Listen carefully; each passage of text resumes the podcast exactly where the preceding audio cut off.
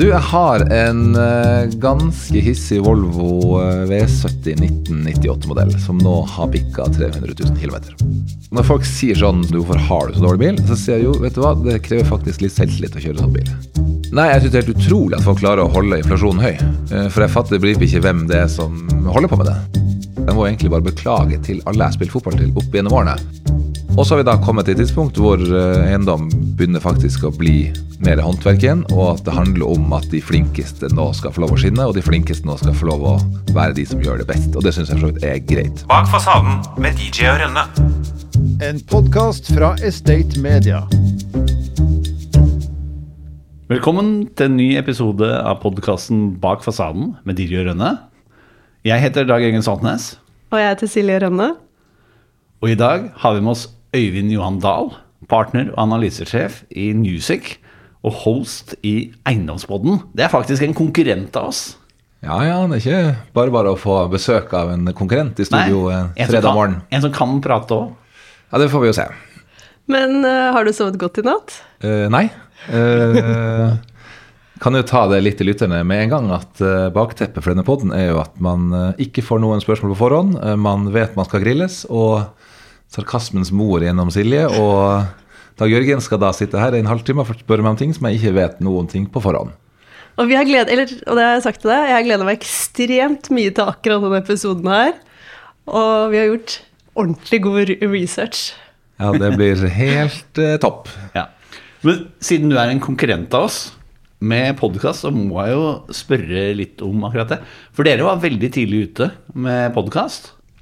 Ja, vi var tidlig ute med podkast i Newsec. Uh, det vi så, det var jo at flere av våre konkurrenter uh, gjorde ulike ting. Mm. noen hadde blogg. eh, noen hadde en eh, form for sånn eh, ja, videohilsen, sånn som Union har i dag med bankundersøkelsen. Så det var ulike konsepter i forhold til å få da informasjon ut til folket. Eh, og så må jeg innrømme at vi også hadde noe som het Fastighetspodden i Sverige. Så eh, vi fikk litt inspirasjon fra Sverige med å starte vår eiendomspodd, som da er en norske versjon av Fastighetspodden. For dere var ute i 2015. Ganske tidlig, da, i hvert fall. Det er Så det holdt på en god stund. Ja da, vi holdt på en god stund, men eh, det er jo som dere vet, man blir jo ikke veldig komfortabel eh, i et sånt studio uansett. Så vi har spilt inn over 60 episoder, og det føles uh, kleint eh, hver eneste gang. Det vil jeg at folk skal vite der ute. Men er dette litt sånn uttrykk for Newsec Er, det, er Newsec litt first mover eh, på teknologi Ja, det er ikke dette teknologi, men litt sånn prøve litt nye ting? Ja, altså det er jo et ønske vi har fra analyseavdelingen. Det er jo å si, kommersialisere data og pakkettere data på en måte som gjør at eh, det blir lettfattelig og morsomt for de som skal ta imot. Eh, For eh, Newsec har jo mest data i Norden, og veldig mye data både hos oss og konkurrentene våre er jo pakketert i Excel-ark. Mm. Og det å sende av gårde et Excel-ark til en kunde er på en måte den minst sexy måten å presentere data på syns vi. Og da starta vi med Først så lagde vi et eh, digitalt eh, markedsbrev. Eh, Det var vel først ute med det. Det handla egentlig bare om å gjøre en papirutgave digital. Så det var ikke mer hokus pokus enn det, men folk syntes det var nybrottsarbeid. Eh, Vi kom med Sier kanskje, sier kanskje litt om eiendomsbransjen og teknologi, da. Ja. Eh, og, så, eh, og da kan du lese markedsinfo på en portal. Så lagde vi Eiendomspodden, som er en hva skal jeg si, oral utgave av markedsinformasjon. Der du kan velge å lytte istedenfor å lese. Eh, og så har det jo balla på seg med at vi har lagd et kart.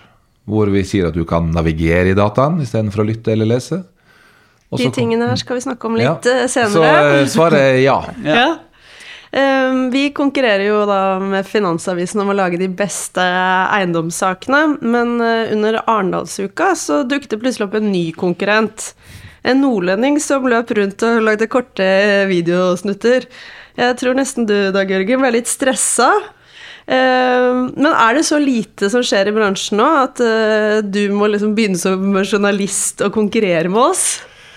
Ja, Både ja og nei. Det skjer lite i bransjen, ja. Så eh, jeg hadde tid til å gå rundt litt sånn silkebrisen og stille korte, dumme spørsmål til eh, lederne av de ulike selskapene. Det hadde jeg jo tid til. Eh, Men jeg syns det ble veldig bra. Jeg lagde en eh, klippsak på det, ja, faktisk. skjønte det.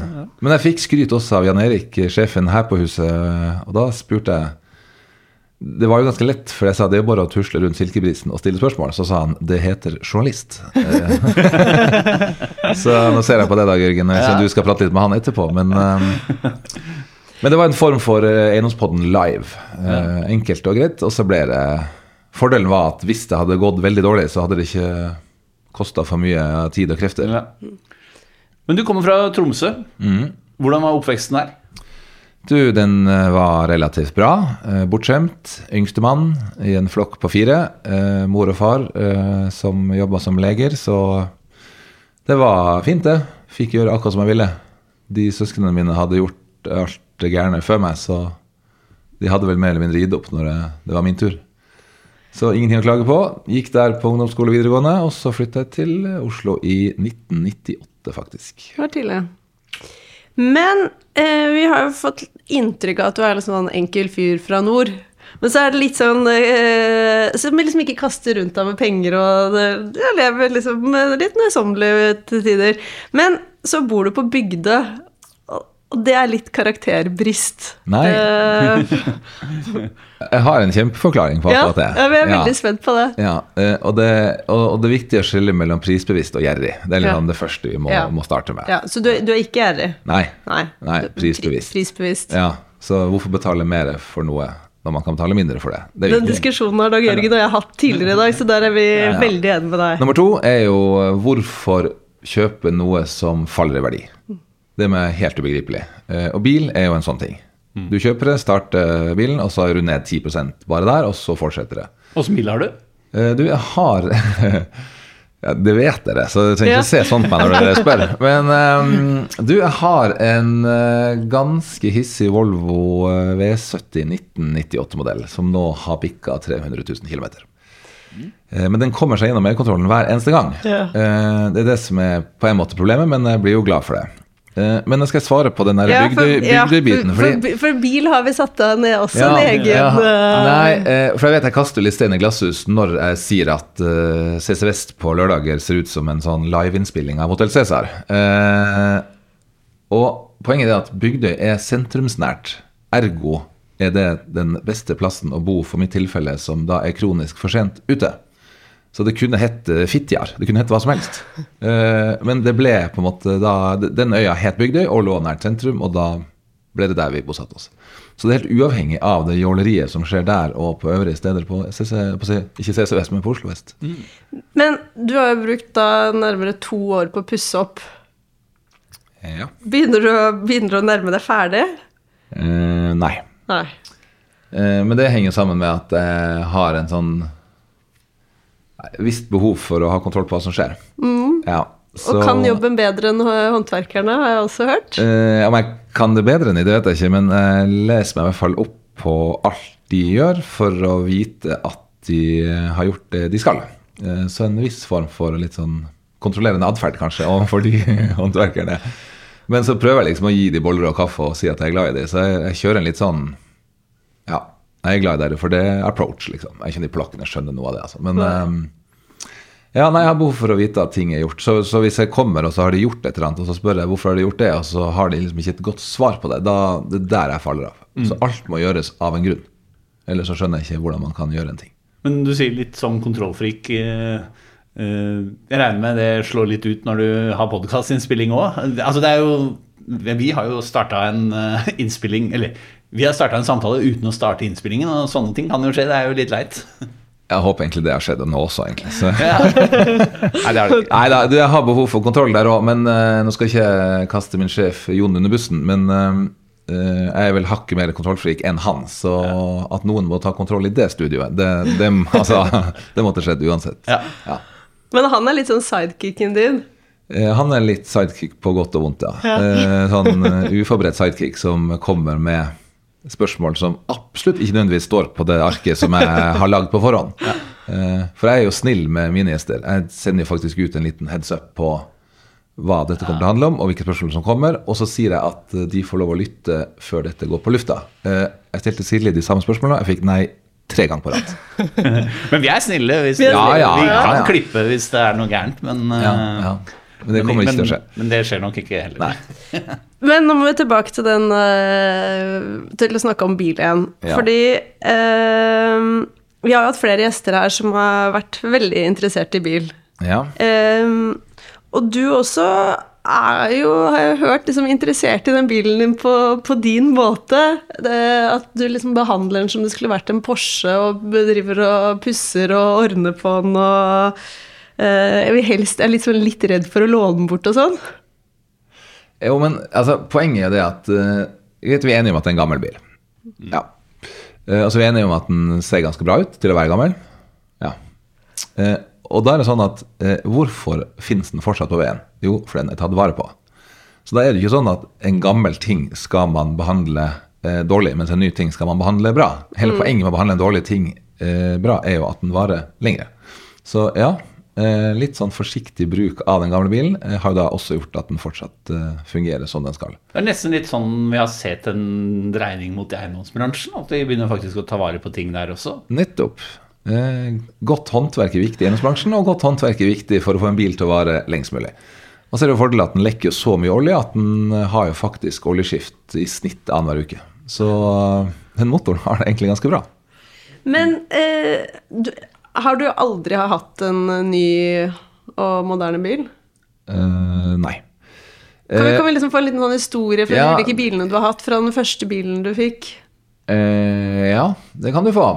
Uh, altså Den aller, aller første bilen jeg fikk, det var jo en Det var faktisk en Mercedes. Den der første stasjonsvognen fra 70-tallet. Uh, den hadde sånn hydraulikklekkasje, så jeg måtte bruke en sånn der eh, legesprøyte hver gang jeg skulle ut og kjøre, fordi at det hadde rent hydraulikkolje over i støtdemperne, sånn at bilen var helt stiv og ikke an å kjøre med. Så det har alltid vært litt sånne hiccups. Så, eh, men den tok jo kona og kjørte til København over en fartstump og la igjen eh, eksospotter på veien, så det døde jo den bilen. Så der er jo liksom punkt én låne bort, ødelagt. Og så skjønner jeg jo at gammel bil blir fortere ødelagt, men det betyr ikke at man skal ødelegge den likevel. Eh, og så har jeg vært innom en eh, mintgrønn eh, Golf. Det var vel tidlig 80-talls-Golf. Betalte 5000 kroner. Veldig fornøyd med den. Jeg husker jeg møtte kona når jeg hadde kjøpt den, og ringte og sa liksom, du må jo komme og se, liksom, jeg har fått en ny bil. Altså Hun skjønte jo ikke hva jeg drev med engang, for det var jo liksom verdens største mann i verdens minste bil. Ja. Fra 1981 til 5000 kroner. Den fikk jo motorstopp på trikkestopp på Lilleaker. Og så ringte hun meg og sa at den bilen står på trikkestoppen. Så det var jo litt uheldig. Eh, og den var jo sånn at den gikk jo ikke på tomgang. Så hver gang vi da, Og det her var jo på et tidspunkt der du brukte mynter når du skulle kjøre gjennom bomringene. Så da måtte mm. alltid én sitte og styre eh, og holde gassen gående, mens den andre måtte, satt med kløtsjen og putta pengene i bomringen. Eh, og så har det gått egentlig slag i slag. Eh, har jo da den Volvoen min nå, mm. så det, det, har vært, det, har vært, mye dårlige biler. Men, men poenget er jo at ettersom at jeg er litt sånn enten-eller, så, så, så, vil jeg enten ha verdens beste bil eller verdens dårligste bil. Ja. ja. Og siden ikke du Nå legger du alt av penger eh, i huset på bygda, da prioriterer du ikke å ha verdens beste bil. Nei. Og som jeg bruker å si til folk, når folk sier sånn som litt sånn som du ser på meg nå og sier sånn 'Hvorfor har du så dårlig bil?' Så sier jeg jo, vet du hva, det krever faktisk litt selvtillit å kjøre sånn bil. Ja, jeg... Og da blir det helt stille. Eh, men så skjer det jo altså Det er jo pinlige situasjoner som oppstår, eh, men det må man jo bare liksom tenke at det har man selvtillit nok til å håndtere. Jeg har sansen for det. Jeg syns at det er eh, Ja, som du sier, du må ha litt selvtillit. Men den aller verste bilhistorien er jo noe som skjedde her for få uker siden. Eh, og det var jo med den nevnte Volvoen. Fordi jeg merka på hjem fra jobb at den hosta litt. Jeg tenkte at hvis jeg bare drar på ordentlig nå, så får jeg blåst den ren. Jeg vet ikke om det er et sånn ting man kan si i Sør-Norge, at man kan blåse en bil ren. Men i hvert fall i Nord-Norge så er det det man driver med når det er litt, uh, litt koks i, filteret, eller hva som er gærent. Så jeg dro på det jeg klarte. Uh, bort Ringveien, gjennom Bygdelokket og opp mot Kongsgården. Uh, og så smalt det. Og så sto det svart røyk ut av eksosrøret, og så døde bilen sånn 20 meter før porten ved Kongsgården. Så jeg kom jo da glidende fint inn foran porten der, eh, og der sto det jo to gardister. Og før vi sto av det, så tok jo de og stilte seg opp eh, og ladda geværet eh, og pekte på meg. Og sa at her kan ikke du stå. Så sa jeg nei, nei, men det var ikke mitt ønske å stoppe her. I hvert fall ikke når du står og peker på meg med et jævla gevær. Så, og jeg har liksom ikke med meg noe bombe i bilen, så her må vi bare tenke litt og, og løse det her sammen. Eh, og da gikk de over eh, sånn, eh, hva heter det, callinganlegget, kalte på de andre. De gikk og stoppa trafikken, og så kom det altså 30 gardister ut. To av de gikk og stoppa trafikken i hver ende, så du kan si at 90 av naboene mine ble satt opp som tilskuere. Og så ble jeg altså puffa mens jeg satt i bilen, opp bakken forbi Kongsgården og inn på bondegården. Så det var sånn walk of shame, halvtime der. Eh. Og da må jeg innrømme at uh, bilen faktisk tidvis lå litt dårlig an. For det var, liksom, det var litt over min flauhetsterskel, uh, det som skjedde der.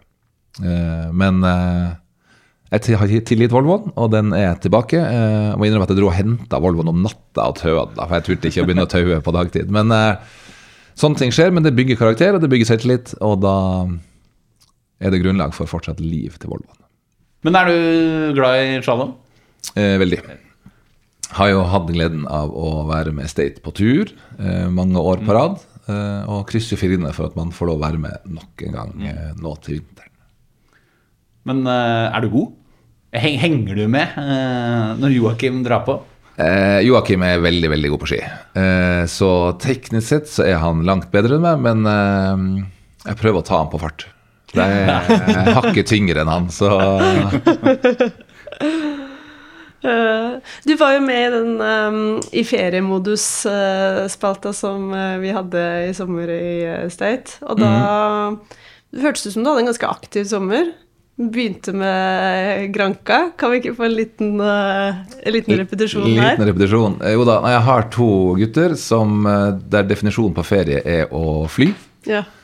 Eh, og så passer det jo bra at vi hadde utsatt den ferien, som de kaller det, i ganske mange år, for vi har feriert mye i Norge.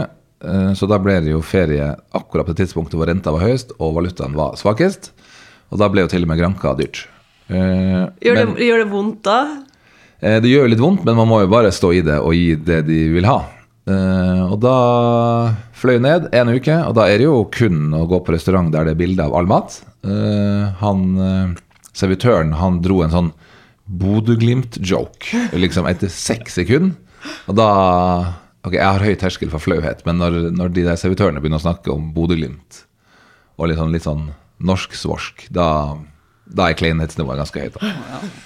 Og så, men altså, så lenge barna får det de vil. Det var enkel pizza som var ferdig på tre minutter. Det var brus med 90 vann i og høye sugerør. og masse is. Så, men det kosta jo faktisk å være på Granka også i år. Utrolig nok. Ja. Men eh, en vellykka ferie for familien, da. Men man, er jo ikke på, altså, man drar jo ikke på ferie Altså, du sa min ferie. Det er jo, man er jo fasilitator for alle andre enn seg sjøl, da. Men, men hva er din drømmeferie?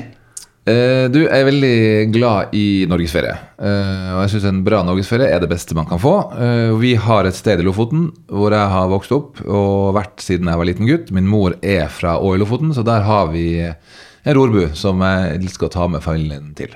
Eh, og så tenker jeg at det er greit for barna når de vokser opp på Oslo vest, at de får seg en tur eh, til Nord-Norge og forstår eh, hvor fisken kommer fra. kanskje får seg litt juling, og kanskje møter folk som ikke har like store puter under armene som de sjøl har til tider. Så det um, syns jeg er bra, både med tanke på ferie og med litt oppdragelse. Jeg trodde at hele Oslo vest ferierte i Lofoten, da.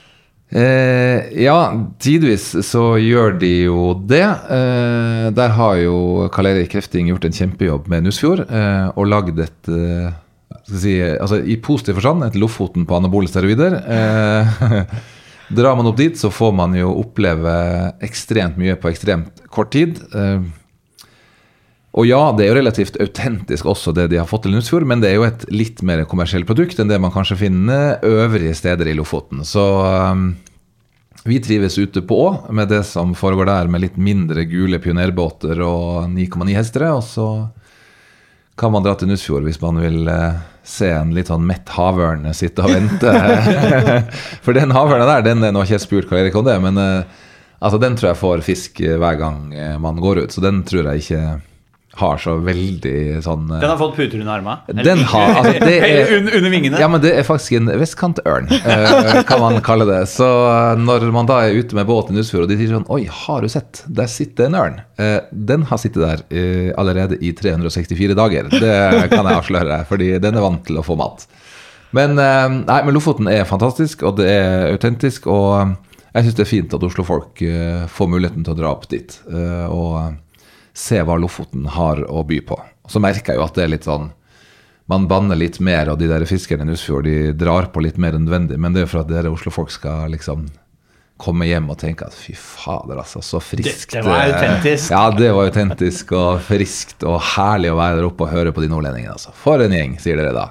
Ingen av oss to er Oslo-folk, faktisk, da.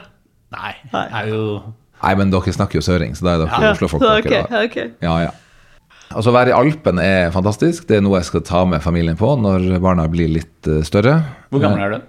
De er syv og ni. Eh, og så kan jeg jo avsløre en ting her i poden, og det er det at uh, nyttårsaften ble svært fuktig. Og ni måneder etter nyttårsaften, det nærmer seg ganske kraftig. Ah, Så um, nei da. Så nå kommer, nå kommer det en til. Ja, det blir gøy. Ja da, det var jo akkurat det mitt liv trengte, skjønner dere. Er det en til til fotballaget, da? Nei, heldigvis så finnes det i hvert fall noen som vil meg godt, så det blir en jente. Ah, Ja. spennende. Gratulerer. Men eh, for å dra dette over på type eiendom, da. Ja. Eh, det, det må jo være eh, Må jo ha vært ganske gode tider for retail. Men blir det nå Hva skjer? Nei, altså hva skjer nå? Eh, nå har jo sentralbanken satt opp renta, Alt de klare, så fort de klarer. Eh, og den eneste grunnen til at de gjør det, er jo fordi at vi skal slutte å kjøpe ting. Så enkelt er det. Hvis alle hadde gjort som deg, så hadde det ikke vært noe høy rente. Nei, jeg syns det er helt utrolig at folk klarer å holde inflasjonen høy. Eh, For jeg fatter begriper ikke hvem det er som holder på med det. Så jeg holder jo nesten på å gå bort til folk som står i kø og skal kjøpe et eller annet fancy, og si at du, hvis du hadde latt være å kjøpe det Du koster meg Ja, du på kost- huset mitt. Nettopp, det er akkurat det som skjer. Så andres folk liksom eh, ja, jeg, si, jeg skal ikke si inkompetanse, men uvitenhet knytta til hva som foregår, gjør at jeg da må ha høyere boligrente enn jeg ellers ville hatt. Eh, og det verste var jo her om dagen, eh, hvor jeg hadde vært og kjøpt et skap på Finn. Jeg fremstår jo så jævlig gnien. Men jeg kjøpte et skap på Finn. Det må jeg bare stå i. Og så var jo det skapet for stort, så jeg måtte selge det igjen. La jeg på en liten, liten premie der, da. Litt- margin. Liten der. Men da kommer det altså en kar fra Årnes. Og ikke noe vondt om Årnes. eh, Men så sier han at eh, du, det huset der, det, det har vel kosta penger, sier han. Så sier jeg ja, altså, ja, men det er banken som eier uansett, så det spiller ingen rolle. Så sier han ja, det er gøy at du sier det, ja, fordi jeg bandt nemlig tiårsrenta mi på under 2 jeg sa han. Og så står jeg der med en flytende rente på rundt fem. Analysesjefen. Ja, altså, så liksom han som ikke skulle klart det, står da og har klart noe som en som skulle klart det, ikke har klart. Eh, Så da følte jeg meg egentlig jævla tjukk i huet der jeg sto. Men um, det sier jo litt om hvor lite folk egentlig skjønte hva som kom til å skje. Når uh, ingen som burde klart det, har klart å binde renta, mens alle som ikke burde klart det, har klart det. Når yrkesstolthet er standard, blir høy trivselsfaktor på arbeidsplassen en selvfølge. I Bundegruppen vet vi at det er du og jeg som kan utgjøre forskjellen. Derfor er vi så opptatt av verdigrunnlaget vårt – folk. Folkeskikk, orden, lagånd og kundefokus. Folk skaper verdier, og verdier skaper folk. Finn ut mer på bundegruppen.no. Du har blitt beskrevet som forfengelig på en uforfengelig måte. Kan du forstå det? Eh, ja, og det er jo et problem jeg har. Fordi jeg har jo en kropp og et utseende som i utgangspunktet ser lite forfengelig ut. Og hvis jeg da er veldig, veldig veldig forfengelig, så klarer jeg liksom å løfte meg opp til et nivå hvor jeg ser ikke forfengelig ut. Men da kan dere tenke dere hvordan det hadde vært hvis jeg ikke hadde vært forfengelig. Så jeg får på en måte veldig lite altså, kost, kost, kost-nytten Ja. Tidsbruk versus resultat, ja, den ser jeg superlav. Og jeg ser jo at du smiler godt når du sier at jeg er forfengelig, for du kan ikke helt skjønne at, eh, at jeg er det. Men eh, jo, jeg er det. Men det handler egentlig bare om å holde hodet over vann, og ikke på en måte se så alvorlig bra ut som man burde gjort når man bruker såpass mye tid. Men for du har da hver torsdag er hårdag. Eh, Hvem er det du har prata med, egentlig? eh, Men nå tenker nå ser jeg liksom sånn Ja, jeg ser jo at du er jo nybarbert, av Jørgen derimot er litt sånn, hva skal jeg si, litt mer stubbete. Fire-fem dager. Ja. Ja. Ser du, Dagen er litt mer røff. Jeg er Ja. litt mer sånn sel-approach i dag. Glatt og fin. Uh, så det har jo skjedd noe i går. Det ser du. Ja. Og hvis du ser nøye etter, så ser du at jeg har lagt meg en liten sånn, en litt sånn skygge på overleppa. Ja, ja. Du, spart. du forbereder Move- Movember, eller hva det er? Eksempelvis. eh, Det kan være, sant? Og da har jeg liksom lagt inn en sånn touch av en litt sånn, eh, litt, litt sånn Jeg vil ikke kalle det bart, da, men litt sånn at jeg har markert på en måte overleppa. Men det, og det, er det kan skje på en hårdag. da. Ja, men hver torsdag?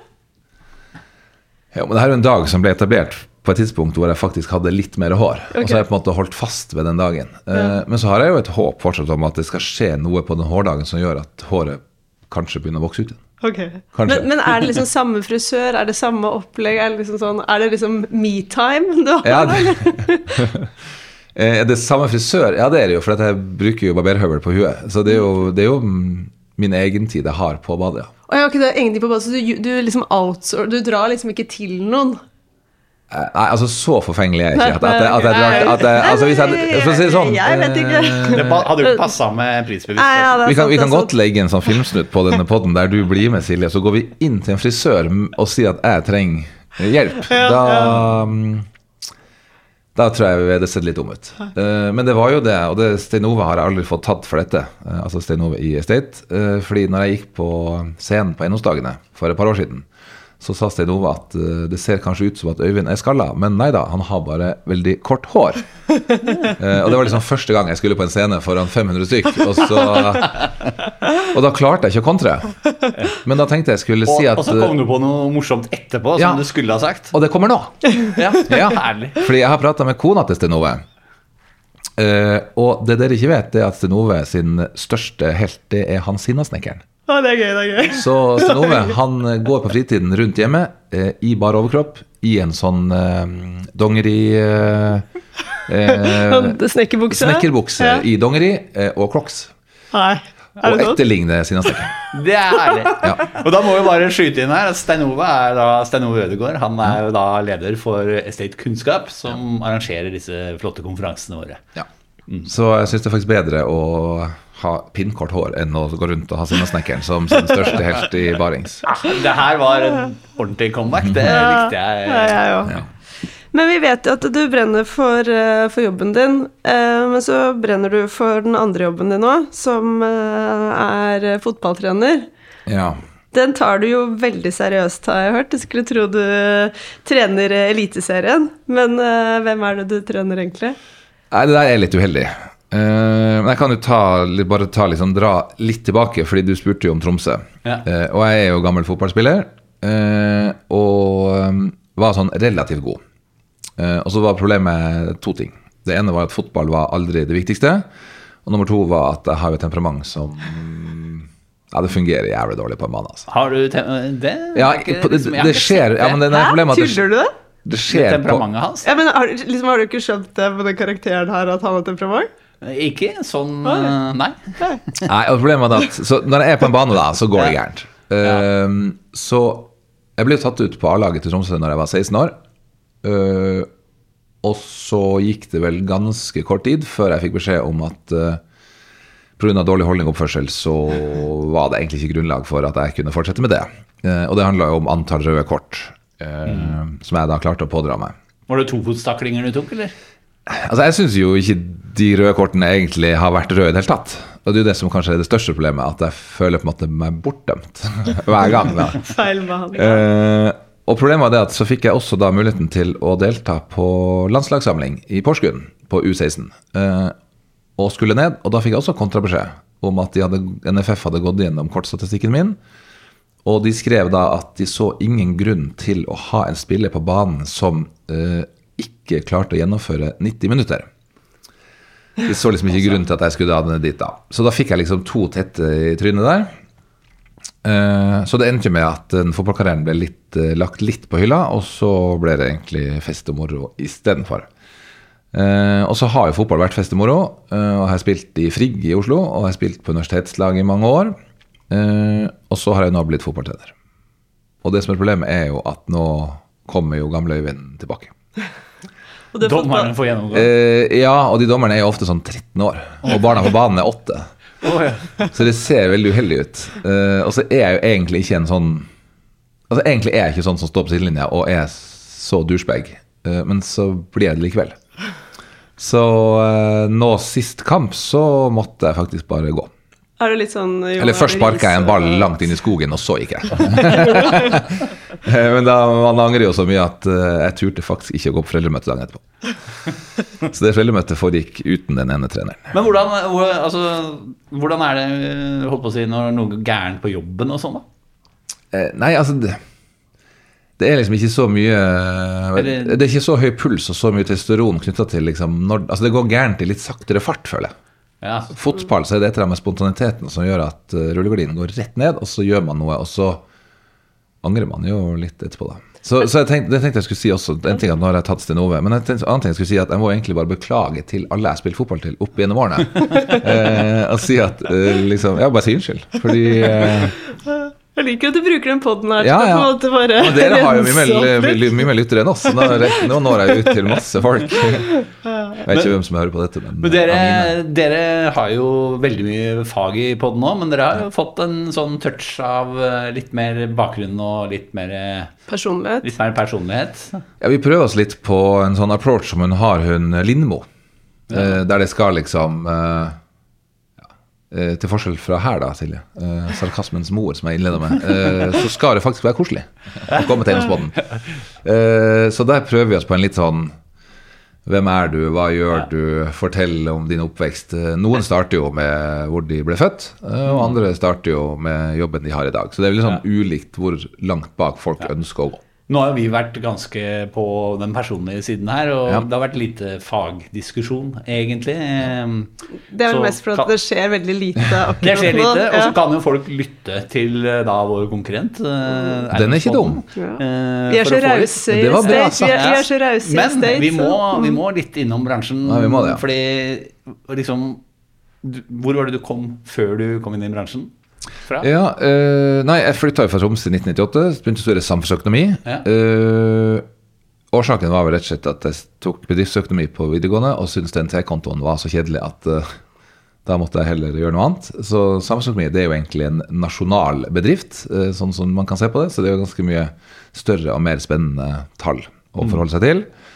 Eh, problemet på Blindern var jo at det var jo ikke tvunget oppmøte på forelesning. Eh, så jeg endte jo med å være på seks forelesninger på seks år. Uh, og det er en annen sånn tanke jeg har. Jeg skal se om dere følger den. Fordi hvis man går på en forelesning uforberedt, hva skjer da? Jo, man skjønner ingenting. For det går for fort. Og hvis du går på forelesning forberedt, så ringer vi til å gå dit.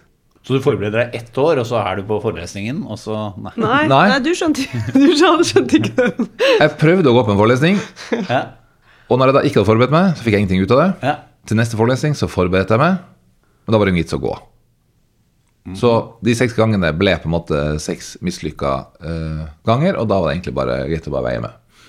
Så uh, jeg har vært en ganske dårlig student, men uh, kom igjennom. Og en annen fun fact er jo det at Jeg skjønner ikke hvordan det går an, men jeg ble jo da sånn vitenskapelig assistent for en professor som heter Steinar Strøm. Og da sitter man og skriver en masteroppgave på vegne av en professor. Og da delte jeg jo faktisk kontor med Kari Due. Så hun var, men jeg tror ikke Kari husker det, for jeg var jo ikke der. Nei. Nei, men hun var der. Eh, men vi satt faktisk da sammen i tolvte etasjen på Blindern og var sånne vittasser, som det heter. Vitenskapelige assistenter. Eh, Men det som skjedde, var jo at etter at jeg studerte samfunnsøkonomi, så eh, begynte jeg å jobbe i DME Markets, og så begynte jeg i Skatteetaten, en kjapp tur. Hvordan var det? Ja, det var som å gå av et høyhastighetstog og gå om bord i en sånn tog som du står sjøl og, og pumper for å komme deg bort. Eh, så jeg merka bare Nå tror jeg ikke hun sjefen jeg hadde i Skatteetaten lever ennå, så jeg kan jo si det. Men altså, eh, bare håndtrykket jeg fikk når jeg kom dit, da skjønte jeg at det her, Det det her blir så tungår. slapt. uh, Ja, altså det var Og når du da liksom eh, Når du stempler deg inn og ut sånn på en meierifabrikk, eh, og du får overtid av å spille fotball på fredager nede i gymsalen, da det, liksom, det ligger ikke til rette for at her skal det skje ting. Så eh, da gikk jeg til eh, Storbrann etter et år, eh, og jobba der i Storbrann kapitalforvaltning. Og det var jo sånn jeg kom inn på eiendom, Mm. og satte jo da opp dette Storbrann eiendomsfond Norge KS, som i dag er det største eh, eiendomsfondet i markedet. Når jeg lagde det, så henta vi 6 milliard fra Storbrann Liv, og etablerte det da sammen med Anders Berggren, som er sjef i Malling i dag. Eh, Så det var egentlig det siste jeg gjorde i Storbrann, og det som gjorde at jeg fikk ferten av eiendom. Det var Og bra det var det fondet du satte opp, og ikke det Folkefondet de eh, hadde før? For der var det mange som tapte penger. Eh, Der var det mange som tapte penger. Eh, Og jeg kom jo da inn i en periode i 2007-2008 hvor det var veldig mange forsmådde private investorer som var i produkter de absolutt ikke skulle vært i. Det var kanskje derfor de gikk til de profesjonelle på neste fond, antar Ja, og derfor lager man institusjonsfond istedenfor. Uh, og den perioden der så var det jo også noe som het AIO og BMA, eh, som var da type sånne opsjonsprodukter med fast rente. Altså masse sånne ting som private aktører ikke skulle vært i. Eh, men eh, jeg avrunda med å lage det fondet, og endte da opp i Newsec. Og Anders endte opp i Malling. Men hva tenkte du da når du liksom kom ordentlig inn i eiendomsbransjen? Hva, hva tenkte du om menneskene? Uh, nei, altså jeg har Jeg syns mennesket i eiendomsbransjen er fin og flott. Uh, det er jo en bransje som har hatt en fantastisk reise i ti år. Eh, Men hva, Jeg hva tenker du nå avbryter jeg deg, men Ja. hva tenker du når du, når du møter dem i Tromsø eller Lofoten og sånne ting? Uh, altså, jeg skjønner jo hvor du vil hen. Ja, ja. Uh, men jeg kan liksom Jeg må jo da argumentet liksom lage en opptakt til hvorfor jeg på en måte uh, har mine tanker rundt eh, Nei, altså poenget med eiendomsbransjen Den har eh, gått som en kule i ti år. Eh, og så er det sånn at eh, du skal jo ikke være vanvittig smart for å ha tjent veldig mye penger. Eh, man har jo eksempler på eiendommer som er kjøpt, eh, de har ikke lykkes med å leie de ut, og de er solgt med mange hundre millioner kroner i gevinst. Så liksom, det å kjøpe noe og mislykkes og tjene mange hundre millioner, det, sånn, det syns ikke jeg er sånn superimponerende. Men det sier jo litt om hvordan markedet man har vært en, en del av. Og min uh, første sjef, Ida Kreutzer, han sa jo det, at 'in hurricanes even turkeys can fly'. Og det sa han under finanskrisen, uh, og det føler jeg også vi har vært igjennom uh, nå en periode. Og så har vi da kommet til et tidspunkt hvor eh, eiendom begynner faktisk å bli mer håndverk igjen, og at det handler om at de flinkeste nå skal få lov å skinne, og de flinkeste nå skal få lov å være de som gjør det best. Og det syns jeg for så vidt er greit. Og For det sitter mye flinke folk på sidelinja med mye penger og venter. Ja, ja, ekstremt. Og jeg tror det har vært frustrerende for de flinkeste i bransjen å se at man ikke Altså, man har kunnet egentlig være ganske ja, ta high risk og, og få ekstremt godt betalt uten å være nødvendigvis så veldig, veldig kompetent. Eh, Men så er det en bransje som er ganske jålete òg. Det er det jo. Det er jo mye silkeskjerf i halsen og loafers og en sånn fire-fem sånne lakserosa gensere over skuldra. Det er det jo. Eh, Og det er ikke helt min stil, men eh, folk må jo få lov å gjøre hva de vil. Eh, Og jeg har ganske høy terskel når det kommer til at eh, folk gjør som de vil, så lenge de, si, fortjener det og er flinke. Så jeg har ikke problemer med at folk er annerledes. Men sånn sånn der eh, Hotell Cæsar-jåleri, der det på en måte du ser at alt de gjør og sier, er fake, da det er der jeg faller av. Det er jo sånn, Nå vet jeg ikke om dere bruker å gå på CC Vest. Ja, ja, faktisk, vi bodde jo akkurat på Beste, men det var for jålete for meg. Nettopp. Eh, men eh, da var jeg på CC Vest noen ganger, og lørdager der det- ja, lørdager der, det ja. er jo For de som tror at Hotell Cæsar er død, eh, De, det, det er ikke dødt. Det foregår faktisk sånn liveteater på CC Vest hver lørdag. bare å reise dit og ta seg en kaffe og Eh, ja, det du må gjøre er at du må sette deg på den benken der rulletrappa kommer opp, eh, og så sitter du bare der. Eh, og så følger du med på hvordan folk kommer og går, eh, og hvis du tror de har dialog, så har de ikke det. Når to mennesker møtes, så er det to monologer eh, som foregår. Der den ene overhodet ikke hensyntar hva den andre har sagt, før de svarer. Så da står de der i ti minutter, og så har de hver sin monolog. Ingen har skjønt hva den andre sa, og så går de hvert til sitt. Det er det som skjer på Sesvest. Han, du, du har helt rett i det. Men eh, det burde jo vært en, nesten en sånn konjunkturbarometer på, på, deler av, altså på pengebruken, og følge med der på hva de gjør. Du jo, men, men jeg tror egentlig folk går på CC Vest av andre grunner. Altså, den der, folk skryter veldig av den der menyen er jo så fantastisk. Altså, det er så deilig å gå på en så fin og dyr matbutikk. Eh, det tror jeg egentlig handler om at de skal si at de har vært på Meny på CC Vest. Eh, nummer to er jo at folk eh, nærmest pynte seg før de går dit. Så, så jeg tror på en måte det å handle på CC Vest, det handler ikke om å handle på CC Vest.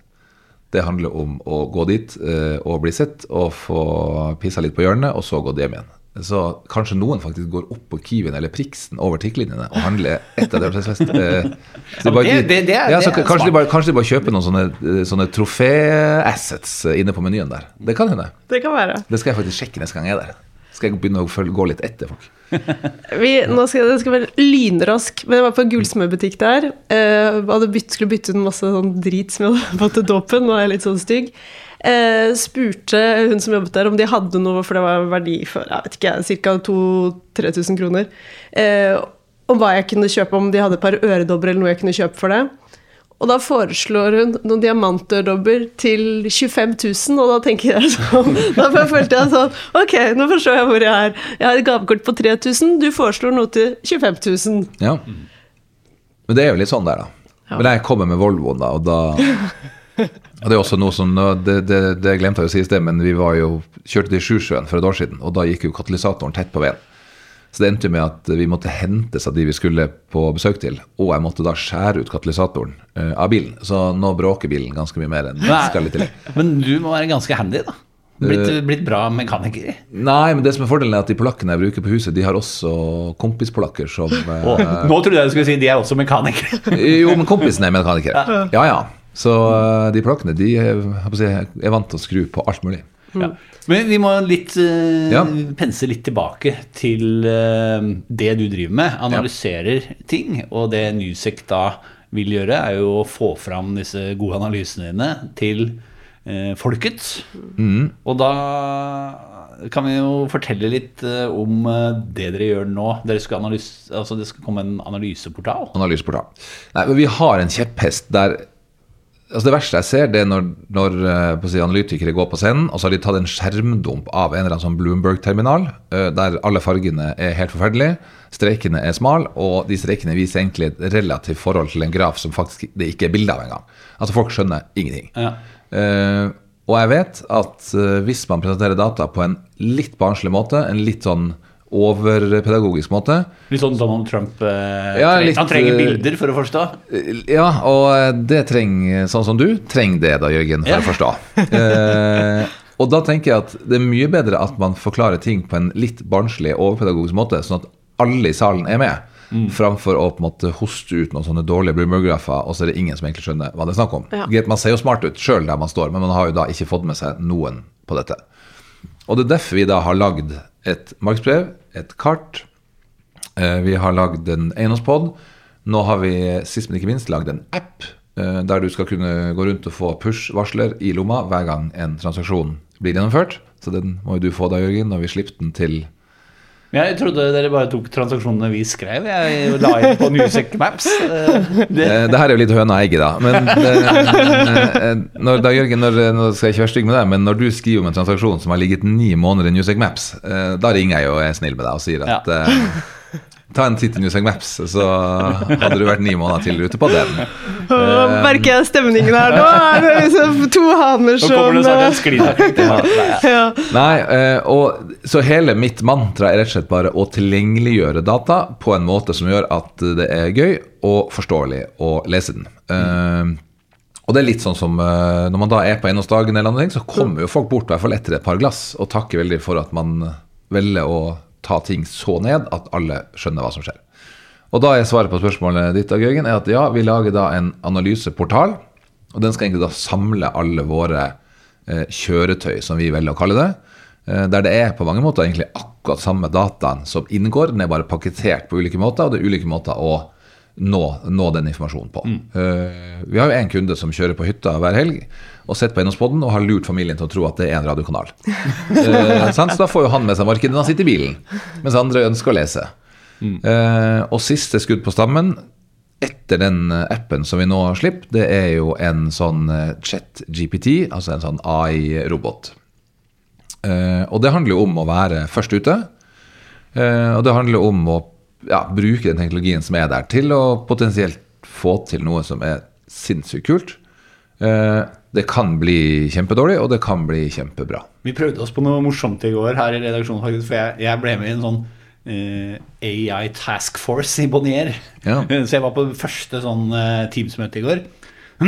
og så ble jeg litt sånn inspirert, så tenkte vi at nå skal vi legge inn noen artikler. Uh, og så ba vi ChatGPT lage en tabloid overskrift.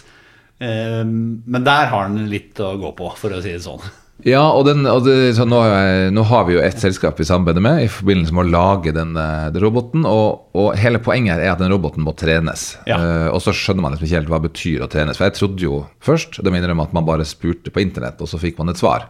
Men så er jo problemet at den dataen som nå er tilgjengelig, er jo ganske gammel. Altså den er et par år gammel. Uh, og i tillegg så kan den finne på å bare lage svar ut Ja. fra hva den tror. Så, så hele poenget her er at du må ha en robot og så må du feede den med alle sannsynlige spørsmål du tror folk vil lure på. Typisk hva er Gilden i Bergen, eller hva er kontorledigheten i Stavanger. Og så må du i tillegg fortelle han hvor han sannsynligvis kommer til å finne den informasjonen. Eh, og så må du sitte og si til han Du, nå traff du bra, eller nå svarte du feil. Ja. Og så må han forstå når han er på sporet nå, og når han ikke er på sporet nå. Så, det, det her, så, så derfor vet jo ikke vi om det her blir eh, Altså Min drøm er jo at det her blir eh, eiendomsbransjens eh, Google. Og at alle går inn på Newsex hjemmeside, og bare istedenfor å lese eller lytte eller navigere, så bare sier de hvor mye har Gilden steget i Oslo de siste tre år? Og da skal den i prinsippet kunne svare på det. Jeg tok et søk på Olav Thon eh, på ChatGPT, og, og meg selv også, og den har litt å gå på. Hva svarte den med deg? Nei, det nei, den skrev faktisk at jeg hadde vært eh, redaktør for eh, byggedelen i Finansavisen. Og det var jo, jeg var oljejournalist da jeg jobba i Finansavisen, så det var jo bare helt feil. Så jeg skrev det var feil, og da beklaga han, og så kom det bare noe om at jeg var redaktør i Og så var jeg, at jeg var en kjent foredragsholder, det var jo òg bare tull. Nei, det, det er sant. Nei, jeg har vært foredragsholder én gang, liksom. Ja, ja, ok. Så, og Olav Thon han hadde vært salgssjef på Oslo Sportslag, tror jeg det var. Men det tror jeg var veldig tidlig. Den er sikkert blitt tynna. Og så var det feil kommune han var født i. og- Så da ble det sånn Tilliten var ikke veldig stor, men den blir jo bedre etter hvert. Nei, og jeg tror hele poenget Skal man slippe et sånt produkt i markedet, så må det være et så godt produkt at folk stoler på informasjonen som kommer, og velger å bruke den. Så jeg tror å, å sjøsette et sånt produkt for tidlig, det, det tror jeg backfirer litt. Men eh, vi jobber med det nå utover høsten, og håper jo å slippe den eh, ja, i løpet av ikke så altfor lang tid. Jeg tenker litt sånn avslutningsvis, så har vi jo vært Vi har jo, hva skal jeg si, vi har jo grilla deg litt, så jeg tenker at det, da er det på en måte på tide å komme med noe hyggelig. Eh, og jeg har jo snakket med kona di. Du har det, ja? Ja, og hun har beskrevet deg som verdens snilleste, at uh, du ikke er egoistisk, og du setter deg aldri selv først, og at livet med deg ikke er kjedelig. Og så selv om du blir litt svett av, av eh, flatt batteri på bilen innimellom, så ordner du alltid opp. Eh, og så sa han også at du er eh, en artig type, eh, med en mening om det meste. Det har vi fått med oss. Men at du også er en litt følsom fyr. Og da tenker jeg sånn Hva er bedre enn å avslutte med Hva gjør at du får litt vondt i hjertet? Eh, nei, jo, jeg er faktisk ganske følsom. Uh, og eh, blir jo eh, litt for lett eh, rørt. Eh, det gjør jeg jo. Eh, men eh, Ja, hva da, eksempel? Nei, Hvis jeg ser at folk er lei seg, eller folk har det vondt, eller at ting er trist, så syns jeg det er blytungt. I tillegg så er jeg ikke noe glad i å få kjeft, eh, for jeg blir jo ikke sint. Jeg blir jo heller lei meg når noen eh, skal ta meg på et eller annet. Så jeg er jo litt sånn jentete i eh, Og det er også noe som Det er litt skulle- farlig å si. Ja, altså, jeg er jo en svær skalla mann, men eh, jeg bruker lang tid på badet og begynner lett å gråte. Så det um, Hvis folk der ute hadde et inntrykk av at jeg var litt sånn stor og tøff og sterk, så er jo ikke det tilfellet. Nei. Så jeg har fått en litt annen innpakning enn uh, huet mitt skulle tilsi, kanskje. Det er det som har skjedd. Men jeg tenker at det er en eh, fordel. For min erfaring er jo at folk syns Nå ser jeg på det, Silje. Altså, dere jentene syns jo det er fint med gutter som tør å vise følelser. Men ikke? Og litt sånn, eh, være litt sånn eh, sterk, men samtidig litt myk. Tør å snakke om litt sånne følsomme ting. Så det Jo da, jeg er ikke flau over det. det. Sånn er jeg, og sånn uh, får det bare bli. Og så er jeg jo jævla glad i de guttene mine, så de må jeg passe på. Så jeg har sagt det, så lenge de blir høflige og snille gutter, så er egentlig jeg fornøyd. Bak fasaden med DJ og Rønne.